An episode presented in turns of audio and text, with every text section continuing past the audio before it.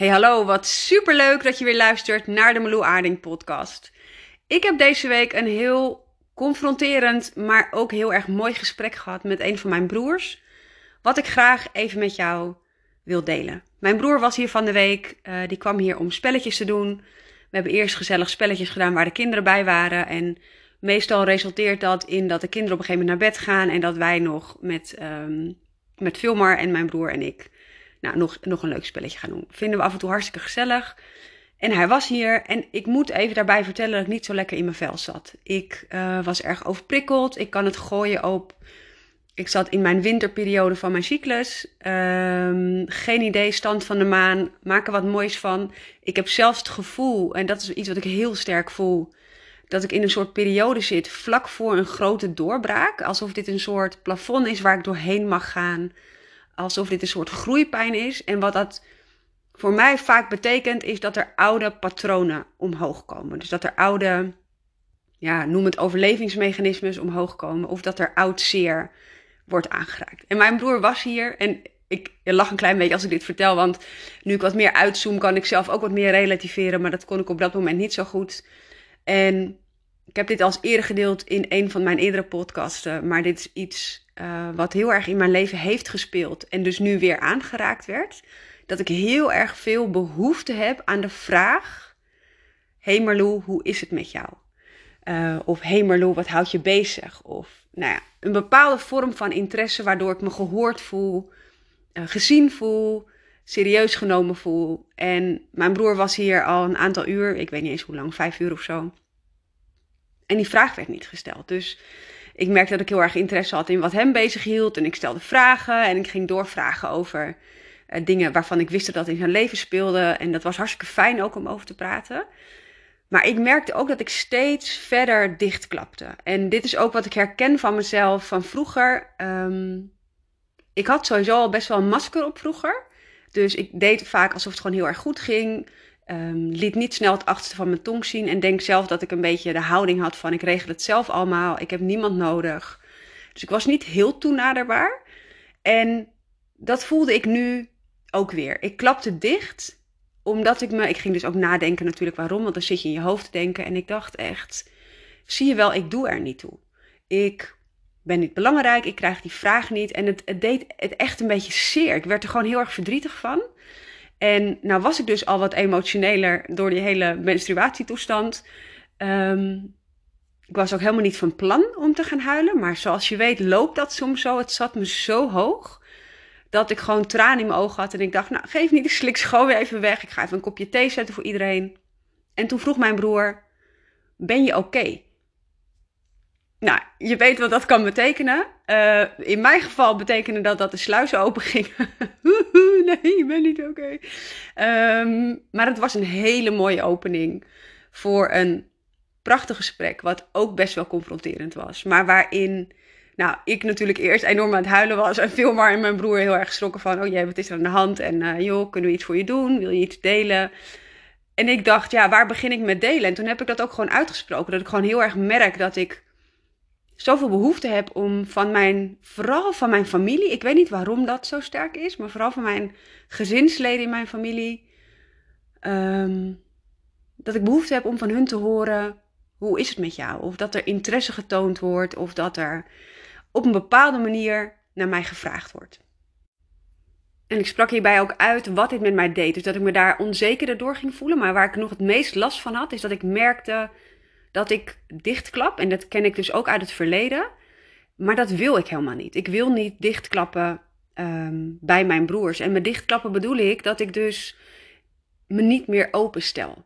Dus ook niet meer de ruimte creëer voor de ander, maar ook zeker niet voor mezelf om dat soort dingen, uh, om dat soort gesprekken aan te gaan. En toen ik dit aangaf, volgden eigenlijk twee uh, mooie dingen. Ik heb, uh, voordat ik dat deel, zal ik eerst even vertellen dat ik dit laatst ook met mijn moeder heb besproken. Van joh, ik merk dat ik heel erg in dit proces zit op dit moment. En dat ik hier tegenaan loop. En dat ik daar zo'n behoefte aan heb. Maar dat er niet altijd aan die behoefte voldaan wordt. En dat dat voor mij, dat dat van alles bij mij doet van binnen. Uh, dus niet in de verwijtende zin, maar meer gewoon in het delen van mijn proces. En mijn moeder moest een beetje lachen. En ze zei, nou, ik snap best waarom jouw broers niet aan je vragen hoe met je gaat. Zeg hoezo? En toen zei ze, ja Marloe, jij bent altijd iemand geweest. Ik was het enige meisje thuis. Ik heb alleen maar broers. En om even mijn gezinssituatie uit te leggen, hij is een beetje complex. Maar ik heb drie volle broers. Uh, en officieel is één daarvan een halfbroertje. Dus dat zou je dan niet als een volle broer um, omschrijven. Maar ik heb dus zeg maar twee broers van dezelfde vader en moeder. Ik heb dus één halfbroertje. Die heeft een andere vader. Die is tien jaar jonger. Nou, voelt voor mij gewoon als mijn broertje natuurlijk. En ik heb drie stiefbroers, waarvan er ondertussen eentje helaas overleden is, um, toen ik ongeveer 26 was. Um, dat is de samenstelling van mijn gezin. Dus ik kom uit een jongensgezin. Ik was vroeger um, degene die voetbalde, dus ondanks dat ik het enige meisje was, was ik degene die voetbalde. Ik was altijd hard. Ik was niet heel erg open. Ik was altijd in een bepaalde overlevingsstand. En hoewel ik niet heel erg de behoefte voel om heel erg in te spelen op waar dat allemaal vandaan kwam, weet ik wel dat ik heel erg het gevoel had dat ik niet tot last mocht zijn en dat ik heel erg sterk moest zijn. Ik weet dat ik me heel erg onveilig heb gevoeld.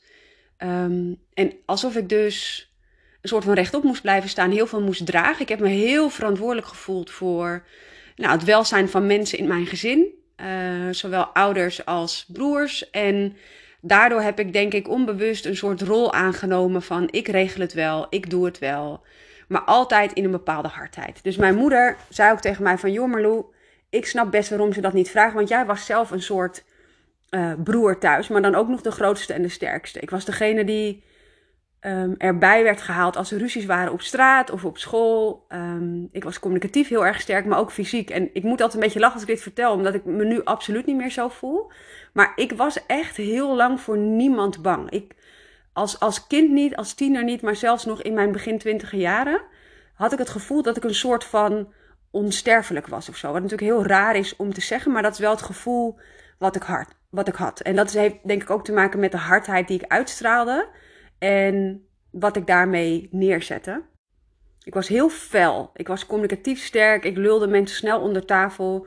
Maar ik, was, nou, ik had zelfs echt moeite met, uh, met mijn agressie. Dus ik zat heel snel op de kast. Ik had een mega kort lontje. En dit resulteerde regelmatig in uh, vechtpartijen op straat. Maar ook, uh, ik voetbalde. Ik heb uh, tien jaar lang gevoetbald. Ook daar. Um, en ik vertel het vrij makkelijk, maar ik heb hier super veel last van gehad. Want ik heb hier zelfs echt therapie voor gehad. Maar dit is een van de redenen waarom ik uiteindelijk gestopt ben met voetbal. Ik, ik kon dat niet combineren. Als, als er voor mijn gevoel um, onrecht werd aangedaan. en dat was bij mij al. Dat, dat gevoel is bij mij denk ik misschien wat sterker dan misschien bij sommige anderen. Um, dan was mijn manier om te reageren was in felheid, in ruzies, in hardheid, in um, schelden. Ik, ik sloeg altijd dicht en ik had het gevoel dat ik mijn nou, agressie in moest zetten om te verbloemen hoe ik me echt voelde. En dat is natuurlijk achteraf bedacht en een beetje in elkaar gepuzzeld voor mezelf. Maar als ik dat nu zo terug moet, um, als ik nu terugkijk, dan denk ik dat dat is wat er gebeurt. Dus mijn moeder zei ook van, joh, jij bent altijd die stoere zus geweest die vroeg op zichzelf ging wonen. Die, um, ik heb heel lang voor mijn broertje um, nou ja, gezorgd, wil ik zeggen. Mijn moeder was heel erg nee, ik moet het even duidelijk vertellen. Ik zit even te denken wat ik wil vertellen, want ik vind sommige dingen natuurlijk ook heel persoonlijk voor anderen. Ik was tien jaar toen mijn jongste broertje geboren werd. Mijn moeder heeft niet lang daarna een, uh, een ongeluk gehad waarbij ze een whiplash opliep.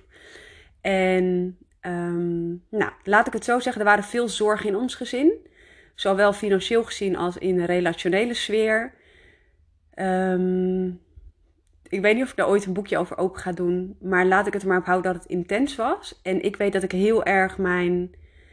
Ja, mijn moedergevoel ging heel erg aan voor mijn broertje. Dus ik heb heel lang het gevoel gehad dat ik voor hem moest zorgen. Ik weet ook nog dat ik de boodschappen deed thuis en dat ik hielp in het huishouden. En ik heb ook niet gepubert, omdat ik altijd het gevoel heb gehad dat ik er moest zijn als, als verantwoordelijke. Zowel voor mijn moeder als voor mijn jongste broertje. Mijn andere twee broertjes woonden op dat moment um, bij mijn vader. Um, dus dat is een beetje waar ik vandaan kom. En mijn moeder dacht dus van ja, jij bent nog steeds die zus die, waar zij dus tegenop kijken. Mijn jongste broertje ziet mij dus echt als, ook als die grote zus. Dus de vraag hoe gaat het met je Um, komt dan misschien niet zo heel erg snel, maar ze zei zelfs je andere broers die zien jou als, nou, die stoere vrouw die het wel redt. Ik heb dus ook heel lang mijn mond dicht gehouden over hoe het echt met mij ging, ook toen ik een depressie had en zelfs toen ik meerdere keren geopereerd was, heb ik dat toen niet verteld. En dat is niet eens een hele bewuste keuze geweest. Het, het, ik denk dat ik gewoon nog steeds heel erg op slot zat en heel erg dacht: ik doe er niet toe en het is niet belangrijk um, dat zij dit weten. Want wat kunnen zij met deze informatie? Dat, dat vestigt alleen maar heel veel aandacht op mij en uh, nou, dat hoeft allemaal niet. Dus ik heb heel lang over heel veel dingen mijn mond gehouden. Maar dat resulteerde natuurlijk ook dat mijn broers helemaal niet wisten hoe het echt met mij ging. En toen ik dit dus van de week met mijn broer besprak over hoe ik me voelde, zei hij: Weet je, Marlou, hij zegt: um, Jij klapte altijd dicht als jouw gevoel in de buurt kwam. Hij zei ook: Jij liet mij niet toe vroeger, maar ook anderen überhaupt niet. Hij zegt: Het lijkt wel alsof op het moment dat jij over je. Als we dicht bij jouw gevoel kwamen, of je, je ging daar überhaupt een beetje over praten, dan klapte ik dicht. En een van mijn mechanismes was dus die hardheid, frustratie en boosheid. En hij zei: Ik heb me letterlijk soms weggeduwd gevoeld. Dus ik realiseerde me eigenlijk helemaal niet dat ik, ondanks dat ik zoveel behoefte had aan zien jullie mij, uh, vraag eens hoe het met me gaat, ik wil zo graag dingen met jullie delen, had ik dus niet door dat ik zelf daarin ook een hele gesloten houding had. Een hele harde houding. En ik wilde mensen ook niet toelaten. Dat was gewoon onveilig voor mijn gevoel. Maar als ik zelf de energie uitstraal van iemand die hard is en het allemaal zelf wel regelt, maar hoe, hoe nodig ik dan de ander uit om toenadering te zoeken? En voor mij was dit zo'n mooie eye-opener. Als ik een soort gesloten energie heb, een soort, nou dat is ook wat ik voelde toen ik nu weer dichtklapte. Dit herken ik dus ook heel erg van toen. Hoe kan ik dan verwachten als ik helemaal dicht zit en op slot zit en dus eigenlijk niet toenaderbaar ben? dat de ander openheid creëert.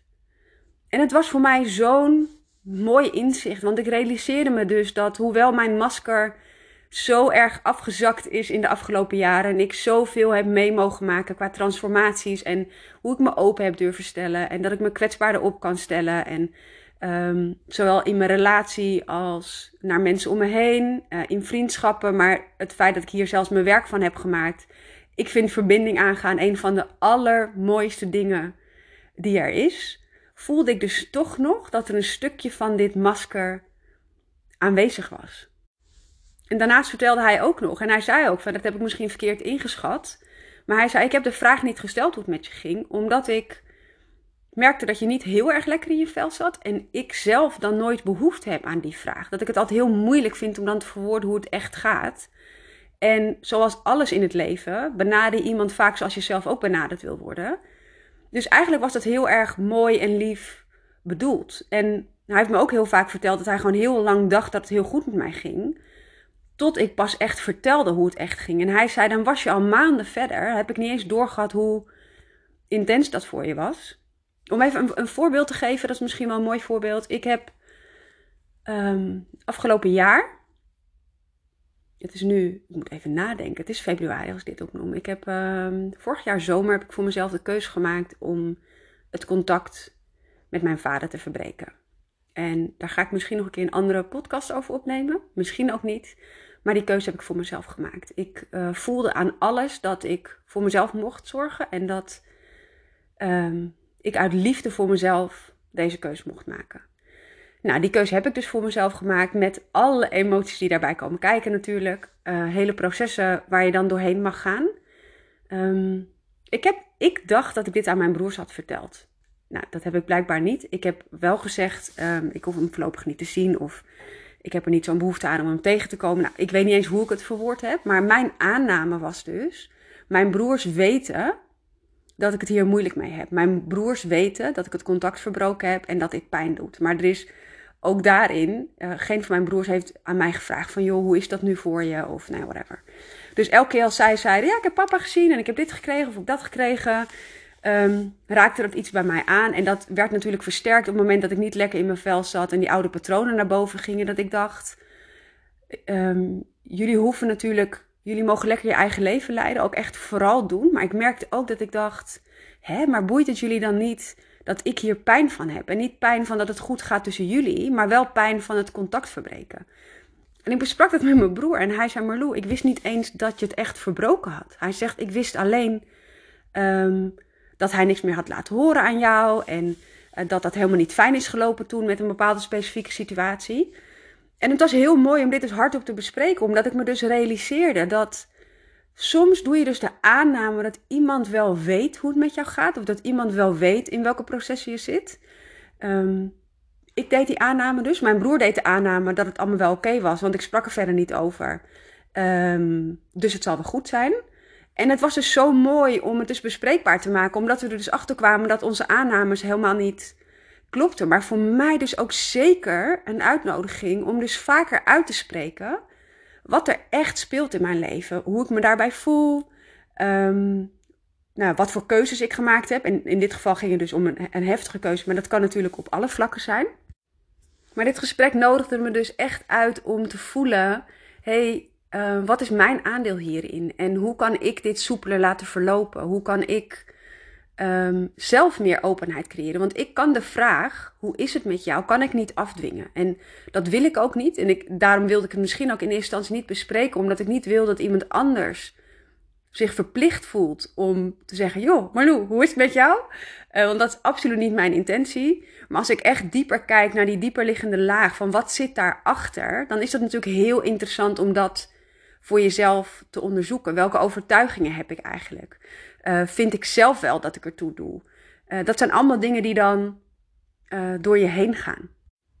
En dit gesprek was voor mij dus heel erg mooi, omdat het me zoveel inzichten gaf in hoeveel er eigenlijk vaak in je eigen hoofd gebeurt. Hè? Van hoe groot iets wordt of hoe intens iets voelt. Terwijl als je het afcheckt bij de ander, hè, dat Nivea niet invullen voor een ander, um, dat dat soms reuze meevalt of een heel ander perspectief geeft. En het was voor mij dus heel mooi om dit te benoemen. Het was heel mooi dat ik me hier in kwetsbaar open kon stellen, maar dat ik hier ook een open gesprek in kon hebben. Um, waarin ik zoveel inzichten uh, tegenkwam en die ik dus mee mag nemen voor mezelf mag onderzoeken. En wat hij ook nog zei, en dat was het tweede wat ik heel erg mooi vond. Hij had het over de taal van liefde. En welke taal spreek jij? En hij zei, Marlou, jouw taal is dat je heel erg attent bent. Dat je altijd aan mensen vraagt het gaat. Je stuurt presentjes, je onthoudt belangrijke data, je uh, maakt verrassingspakketjes. Dat is jouw taal van liefde. En hij zei heel mooi, en dat vond ik heel mooi om te horen, hij zei, um, dat is best zeldzaam, zei hij. Dus ondanks dat het voor jou misschien heel natuurlijk voelt en dat het misschien ook voor jou uh, heel erg fijn zou zijn als iemand dezelfde taal spreekt, um, hij zegt, doe ik dat niet? Hij zegt, mijn taal van liefde. En dat was voor mij zo mooi om even uit te zoomen. Want ik voelde me dus niet gehoord. Ik voelde me niet gezien voor dit gesprek. Hè? En nou, dat wordt dan heel groot in je hoofd. En hij zegt, mijn taal van liefde is dat ik dus morgens even bij jou check, als wij dus afspreken. Zo van, hey, hoe zit je er vandaag bij? Um, want hij wist dus dat ik afgelopen week niet lekker in mijn vel zat. Lang leven social media. Wat hij zelf niet volgt. Maar mijn schoonzusje wel. Dus nou, zo komt het daar toch nog terecht. Um, hij wist dat ik niet lekker in mijn vel zat. Stuurde mij morgens dus een berichtje van... joh, hoe voelt dat nu? Is het voor jou oké om af te spreken? Is het voor de kinderen oké? Want daar speelt natuurlijk ook het een en ander. Hij zegt, uh, of moet het op een andere manier invullen? Hij zegt, het kan ook zijn dat jullie naar mij toe komen... Um, zodat je even lekker uit huis bent. Of vind je het fijn als ik kook in plaats van dat jij kookt? Dus dat was zijn manier om mij te laten blijken... Um, ik zie jou en ik geef om jou en ik doe mijn best om het voor jou prettig te laten verlopen. En zelfs toen hij hier nog was, hij, had, hij heeft een nieuw hondje en die had hij mee. En um, heeft een wat pittiger karakter. Dus dat was qua prikkels best een beetje veel.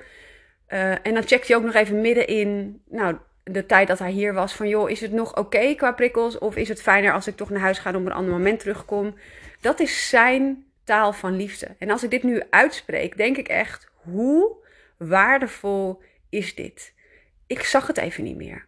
Dus het was voor mij zo verhelderend om dus te bedenken dat waar ik behoefte aan heb, um, een hele andere taal van liefde kan zijn dan dat een ander kan geven.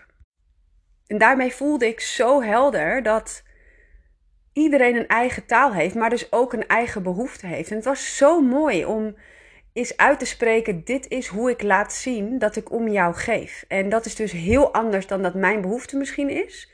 En um, waar ik dus die behoefte heb om, nou ja, blijkbaar om de vraag te krijgen: hoe is het met je? Wat houdt je bezig? Mensen die attent zijn, vind ik altijd heel erg fijn. Hij vroeg ook aan mij: wie in jouw leven biedt dat jou? En ik kon zo'n aantal mensen opnoemen. Veel maar zelf. Mijn eigen man is bijvoorbeeld heel erg zo. Die ziet mij echt, die is heel attent, die voelt aan eerder dan dat ik zelf door heb hoe het met me gaat. Maar ook bijvoorbeeld mijn business buddy, die ik nog steeds business buddy noem, maar ondertussen gewoon een goede vriendin is. Um, is contact wat ik ontzettend uh, waardeer, waardeer. En zo heb ik meer mensen om me heen um, die wel mijn taal van liefde spreken. Maar en, en mensen om me heen die hun eigen taal van liefde spreken. Dus ik merkte dat ik het heel erg in mijn eigen gezin zocht. En heel erg daar dat gemis ervaarde. Maar het liet mij ook even met een blik naar een andere kant toe kijken. Dat ik dacht, oké, misschien heb ik het op bepaalde plekken niet. Uh, er zijn ook mensen in mijn gezin van wie ik dit gewoon niet ga krijgen. En dat weet ik ook. Dat is ook helemaal niet de verwachting die, nou, die ik heb of die ik kan hebben. Maar dus ook heel mooi om dus even heel bewust te worden van mijn eigen keuzekracht hierin. Ik mocht dus weer even kiezen waar kijk ik naar. Kijk ik naar de vraag die ik niet krijg? Hè, hoe is het met jou Marlou? Of krijg ik naar de vraag die ik wel krijg? Kan ik rekening met jou houden? Of um, misschien is het niet eens een vraag, maar een bepaalde boodschap, een bepaalde um, zin die iemand uitspreekt. Dus het was voor mij zo'n mooie herkenning in, nou, in inzichten die ik zelf graag uh, deel, die ik zelf graag uitdraag. Um, meestal ook toe kan passen in de praktijk, maar op dit moment dus even niet. En dat is ook gewoon hoe het loopt soms. Hè? Dat je soms even weer met een ander perspectief of door een andere bril ergens naar mag kijken. En je even bewust mag worden van, um, van wat er speelt en je eigen blokkades. En hoewel deze week voor mij best wel intens voelde met alle verschuivingen die plaatsvinden, ben ik ook helemaal oké hiermee. Dat dus die tranen komen en dat ik dus blijkbaar aan het opruimen ben, aan het helen ben. En dat er dus gesprekken uh, uit naar voren, komen, naar voren komen die mij heel veel, um, nou, die mijn hart eigenlijk vullen. En heel veel warmte geven en heel veel dankbaarheid geven. En dankbaar dat ik dus de transformatie door heb mogen maken van die stoere, harde Marlou die haar masker altijd ophield en nooit in haar hart liet kijken. En naar de vrouw die ik nu ben. En ik ben dankbaar dat ik nog steeds inzichten krijg en nog steeds verder mag groeien. En dat ik misschien wel in mijn eigen familiedynamiek nog meer mag zakken um, vanuit die hardheid en vanuit die ik regel het allemaal zelf wel rol, naar het ontvangen en het zachter mogen zijn en het open mogen stellen en uh, eerlijk mogen delen wat er in mij speelt. Dus ook in mijn familiesysteem zijn er nog dingen die ik aan mag kijken. En het allerleukste was, dat vond ik zo bijzonder, dat ik dit proces dus doormaakte. Ik heb hier ook een post over geschreven. Um, en toen ik die had geschreven, en ik had hem nog niet eens gedeeld, kreeg ik een berichtje van um, een kennis van mij, um, bij wie ik regelmatig familieopstellingen heb gedaan en bij wie ik ook al mijn klanten familieopstellingen laat doen. Laat doen. Super mooi, want ik denk dat het zo'n mooie aanvulling is op het bewust worden van bepaalde patronen in je systemen die invloed kunnen hebben op waar jij nu staat. Kreeg ik een berichtje van haar dat ze zei: Joh, Marlou, uh, aankomende zaterdag heb ik een opstellingenmiddag, maar er is iemand uitgevallen. Wil jij aanschuiven? En ik dacht alleen maar: Oh, ik hou van dit universum die er gewoon voor zorgt dat ik dus in een soort, nou ik wil niet een sneltrein zeggen, maar in een soort mooie vloeiende beweging door deze processen heen mag. Dus je kloten voelen of je heel hard huilen om dingen of pijn voelen is niet altijd vervelend. Het brengt je weer ergens. Uh, het is er voor jou, dat geloof ik altijd. Er zijn nooit dingen die er zijn om je klein te houden of om, um, om je tegen te werken, maar het is er voor jou. Er is altijd iets wat jij mag zien, wat je hieruit mag leren. En dat was voor mij weer even een hele mooie les um, in dit gesprek met mijn broer. Dus voor mij de uitnodiging om mijn masker nog iets vaker te laten zakken, helemaal in het bijzijn van familie. Maar dus ook voor jou misschien wel een hele mooie reminder dat jij dat ook zou mogen doen. Waar hou jij je nog sterk? Waar hou jij je nog heel erg groot? Um, hoe vaak spreek jij je uit? Hoe vaak ben je eerlijk over wat je echt um, bezighoudt. En wat is jouw taal van liefde? En misschien is dat wel heel mooi om bij stil te staan. Wat geef jij en waar heb jij behoefte aan? En in hoeverre kan je dat in jouw omgeving zoeken? Want er zijn mensen bij wie je dat ongetwijfeld niet krijgt. Waar je misschien wel verdriet of pijn van hebt. Maar er zijn ook ongetwijfeld mensen bij wie je denkt: wauw, bij deze mensen krijg ik het wel. Voor mij was het in ieder geval een, nou, een enerverende week. Ik neem deze podcast ook op op vrijdagmiddag als afsluiter. Uh, dus ik ga lekker het weekend in. Morgen dus met familieopstellingen. En ik ga kijken wat dat voor moois mij mag brengen. Maar ik wilde dit mooie inzicht graag even met jou, met jou delen. Ik wil jou super bedankt, bedanken voor het luisteren. Uh, als je iets wil delen over deze podcast, ofwel naar mij, stuur me dan even een DM onder Aarding via Instagram. Of deel deze podcast op je eigen Instagram of met een vriend of met een vriendin waarvan je denkt dat diegene het goed kan gebruiken. Fijn weekend en tot in de volgende podcast.